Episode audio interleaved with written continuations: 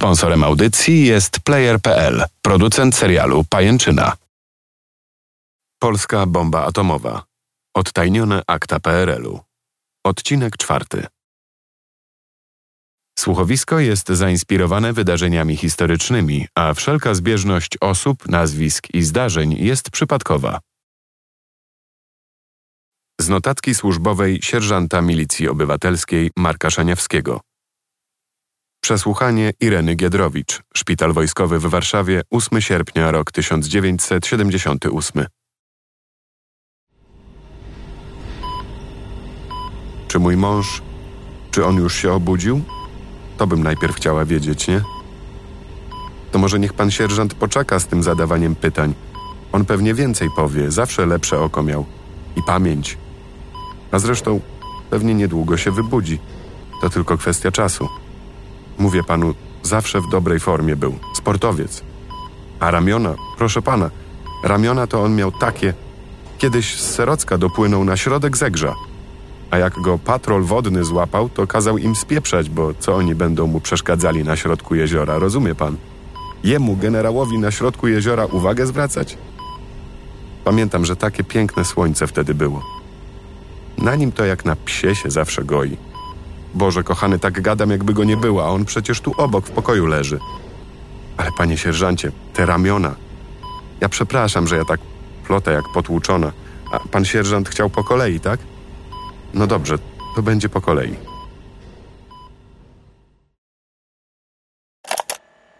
Z protokołu przesłuchania Bożeny Biernik, świadka zdarzenia. Koszalin, 6 sierpnia, rok 1978. grzybów wracaliśmy. Targaliśmy dwa pełne kosze, same podgrzybki, prawdziwki, kurki. Przepraszam, denerwuję się. To tak. Szliśmy bokiem drogi. Ja, mąż i nasz synek. Syn został odrobinę z tyłu, bo miał za ciężki koszyk. Mąż się uparł, że jak nazbierał, to teraz musi nosić. W pewnym momencie na drodze przed nami usłyszałam pisk opon.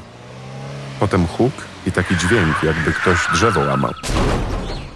Zobaczyłam, że na asfalcie stoi samochód. Jaki? Taki duży. Nysa? Może być i Nysa. Ja to się nie znam, panie sierżancie. Kawałek dalej, przy drodze, wbite w drzewo było drugie auto. Oj, paskudnie to wyglądało, naprawdę paskudnie. Kazałam mężowi lecieć po pomoc, a ja wzięłam syna pod rękę i biegiem tam ruszyłam.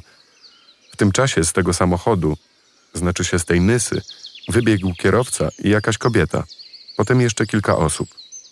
Krzyczałam do nich, co się stało, ale zachowywali się, jakby mnie nie było. Kierowca Nysy zaczął coś gmerać przy rozbitym aucie. Wpakował się do środka i chyba starał się wyciągnąć tych ludzi, ale siłował się chwilę, siłował i nic. Wydaje mi się, że dwie osoby tam były. Tak, dwie. Nawet na pewno. Potem wygramolił się stamtąd i miał na sobie krew, aż syna mocniej do siebie przytuliłam, żeby nie patrzył. To wszystko zlewa mi się w jeden moment, panie sierżancie. Więc nawet nie potrafię stwierdzić, kiedy krzyknęłam, ale krzyknęłam na pewno, że mąż za chwilę tu będzie, po pomoc poleciał. Zbliżyłam się do tego rozbitego auta. Chyba ciekawość albo strach, sama już nie wiem. W każdym razie jakaś taka otumaniona byłam. Z tego szoku głos męża mnie wyrwał. Przybiegł zdyszany i powiedział: Zapytał, gdzie jest to drugie auto, Tanysa. I wie pan, że ja dopiero wtedy się zorientowałam, że oni odjechali. Ciąg dalszy przesłuchania Ireny Giedrowicz, Szpital Wojskowy w Warszawie, 8 sierpnia, rok 1978. On już kilka aut rozbił. Może teraz będzie ostrożniej jeździł. Zawsze mu powtarzałam, Grzesiu, wolniej, wolniej. Przyznam, że tego dnia nawet ostrożnie jechał, nigdzie się nie spieszyliśmy. Panie sierżancie, tak sobie teraz myślę, żeby on tylko mógł jeszcze z synem na łódkę wejść. Obiecał mu, że w przyszłym roku patent zrobią. Przepraszam, znowu nie o tym. W każdym razie jechaliśmy na wczasy do ośrodka Górnik w Podczelach. Z Warszawy wyjechaliśmy po godzinie dziewiątej. Po drodze kilka razy się zatrzymywaliśmy, żeby coś zjeść – Koło Człuchowa przystanęliśmy, bo mąż mi powiedział, że tu jest piękne jezioro i chętnie by się wykąpał. Nie miałam nic przeciwko, więc zrobiliśmy postój. Mąż najpierw umył auto. Oj, mówię panu, strasznie je kochał. To było jego oczko w głowie. Mieliśmy Fiata Mirafiori i on go szorował dobre pół godziny, na błysk. Mówił, że ludzie pod ośrodkiem wczasowym mają zazdrościć. Potem się rozebrał i wskoczył do wody. Chciał nawet, żebym dołączyła, ale gdzie tam? Zostałam przy samochodzie popilnować, bo to nigdy nie wiadomo. Jeszcze byśmy na piechotę do koło brzegu zasuwali. Kiedy mąż pływał, zauważyłam, że w ubraniu, które zostawił przy brzegu, ma broń służbowy pistolet. Zapytałam, co mu do głowy strzeliło, żeby nad morze broń wozić, ale odpowiedział tylko: Irenka są rzeczy, od których nie da się wziąć urlopu. Więcej nie pytałam. Mąż zawsze mi powtarzał, że przynajmniej ja z nas dwojga będę spokojnie spać. Ruszyliśmy w dalszą drogę. Kiedy mijaliśmy mostowo, wyprzedził nas zielony dostawczak, Nysa. Panie sierżancie, za chwilę dokończę, ale czy mógłby pan tu do pokoju obok przejść i sprawdzić, czy mąż się nie obudził?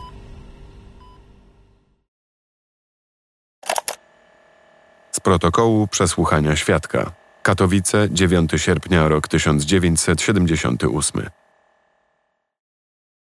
Pracuję dla spółdzielni transportu wojskowego w Katowicach jako kierowca. Jeżdżę samochodem marki Nysa. 5 sierpnia 1978 roku jechałem z polecenia służbowego do wsi Chłopy, gmina Mielno. Miałem w Nysie dziewięć osób dorosłych i dwoje małych dzieci. Przed Koszalinem we wsi Kliszno dojechałem do samochodu osobowego marki Fiat 132 koloru niebieskiego z rejestracją warszawską. Samochód jechał bardzo wolno. Kiedy wyjechaliśmy ze wsi i skończyły się zakręty, wyprzedziłem go. Po chwili spojrzałem w lusterko wsteczne i zobaczyłem, że Fiat się zbliża. Zaraz potem, na prostym odcinku drogi, usłyszałem krzyk teściowej. Jak on jedzie? Spojrzałem w prawo i przez boczną szybę zobaczyłem Fiata. Przez krótką chwilę jechał poboczem, po czym zniosło go bardziej w prawo, a po chwili uderzył w słup linii telefonicznej. Po ścięciu słupa Fiat znalazł się na pasie przeciwpożarowym, zaoranej ziemi. Widziałem, jak zaczyna nim rzucać. Prawą stroną otarł się o pierwsze drzewo i uderzył w drugie, stojące zaraz za pierwszym. Fiat był w powietrzu, więc uderzył w to drugie drzewo pod kątem, maską i przodem dachu, po czym odbił się od drzewa i spadł na koła. Zatrzymałem się niezwłocznie i wraz z innymi osobami pobiegłem na miejsce wypadku. Nie można było otworzyć przednich drzwi, więc usiadłem na tylnym siedzeniu, a następnie nogami podniosłem dach, co umożliwiło innym wyciągnięcie kobiety. W ten sam sposób starałem się wyciągnąć mężczyznę z za kierownicy. Był nieprzytomny. Kobieta poprosiła o przyniesienie jej torebki. Nie wiem, kto zawiadomił pogotowie ratunkowe i milicję. Wokół zebrało się dużo osób. Usłyszałem, jak ktoś powiedział, że lekarz jest już na miejscu. Uznałem, że pierwsza pomoc jest zapewniona i wraz z pasażerami udaliśmy się w dalszą podróż. Ciąg dalszy przesłuchania Ireny Giedrowicz. Szpital Wojskowy w Warszawie, 8 sierpnia, rok 1978. Bezpośrednio przed wypadkiem nie patrzyłam na szosę, dlatego że w lesie przy drodze chodzili ludzie i chyba szukali grzybów. Obserwowałam ich. Po chwili spojrzałam na drogę przed nami i zobaczyłam zbliżający się samochód. Nysa. Tak, to była ta Nysa. Nysa hamowała, ale nie zapaliły się światła stopu. Mąż skręcił kierownicą w prawo i zjechaliśmy na pobocze. Dlaczego mąż nie skręcił w lewo? A to pan sierżant nie wie? Na szosie po lewej stronie stali ludzie. Przecież byśmy ich zabili. Po zjechaniu samochodu w prawo odczułam uderzenie w słup telegraficzny. Nie pamiętam, czy były dalsze uderzenia. Jak wyjeżdżaliśmy z Warszawy, samochód był sprawny technicznie i w trakcie jazdy mąż nie wspominał o żadnych usterkach. Poprzedniego dnia z mężem poszliśmy spać o godzinie 23, a wstaliśmy rano następnego dnia o godzinie 7. Ani mąż, ani ja żadnego alkoholu nie spożywaliśmy. Pan sierżant chce wiedzieć, jak mąż prowadzi samochód? Powiem tak, prowadzi szybko, ale ma dobry refleks.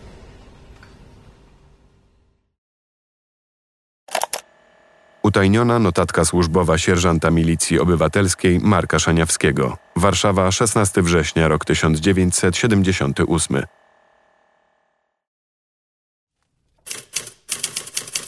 Szanowny panie kapitanie, dziś w szpitalu wojskowym w Warszawie po prawie sześciu tygodniach w śpiączce zmarł generał profesor Grzegorz Giedrowicz. Jako, że prowadziłem część sprawy jego wypadku i przyjrzałem się szczegółowo okolicznościom, czuję się w obowiązku zgłosić szereg nieprawidłowości popełnionych w toku śledztwa. Po pierwsze, samochód po wypadku nie został zabezpieczony. Oględzin wraku dzień po wypadku dokonali szeregowi pracownicy komendy w Koszalinie. W przygotowanym przez nich raporcie napisano, że w prawym przednim kole brakowało powietrza, a prawy przewód hamulcowy był pęknięty. Ku mojemu zdziwieniu śledczy nie zlecili szczegółowej ekspertyzy, by sprawdzić, czy był to skutek, czy może przyczyna wypadku. Po drugie, oprócz działań podjętych przeze mnie, nie przesłuchano żadnych innych świadków. Kierowca Nysy, mimo że starałem się przyspieszyć sprawę, został przesłuchany dopiero cztery dni po wypadku w Katowicach. Po trzecie, choć między zeznaniami pani Giedrowicz i kierowcy auta dostawczego istnieją wyraźne rozbieżności dotyczące tego, czy samochód dostawczy hamował, nikt nie zapytał kierowcy, czy rzeczywiście hamował niebezpiecznie blisko Fiata Giedrowiczów. Mogło tu dojść do zatajenia niektórych kluczowych wydarzeń. Ostatnią rzeczą, która mnie niepokoi, jest fakt utajnienia danych kierowcy Nysy. Czemu imię i nazwisko kluczowego świadka zostało objęte ochroną? Pozwoliłem sobie na tak prywatny ton ze względu na naszą szczerą, przyjacielską relację, kapitanie. Mam nieodparte wrażenie, że ktoś w tej sprawie chce ukręcić łeb. Z poważaniem, sierżant Marek Szaniawski. Postscriptum. Będę wdzięczny, jeżeli treść powyższej notatki zostanie wyłącznie między nami.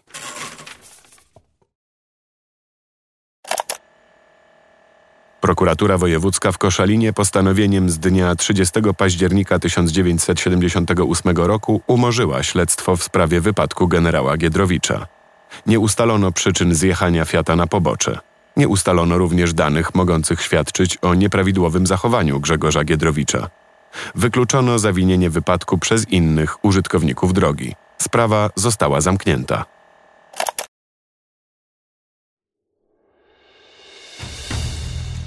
Śmierć generała Giedrowicza, kryzys gospodarczy oraz upadek rządu Gierka oznaczały koniec polskich badań nad mikrosyntezą termojądrową.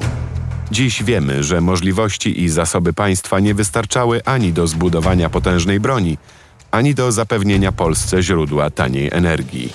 Jednakże najwięksi ówcześni fizycy na czele z laureatem Nagrody Nobla Nikołajem Basowem uważali, że sukces czekał na Giedrowicza tuż za rogiem – Mieliśmy więc do czynienia z nieszczęśliwym wypadkiem czy zaplanowanym działaniem. Czy jest możliwe, że ktokolwiek czyhał na życie osoby tak ważnej jak Grzegorz Giedrowicz? Odpowiedź na to pytanie pozostanie jedną z największych zagadek minionej epoki. Zmarli zawsze dochowują tajemnicy.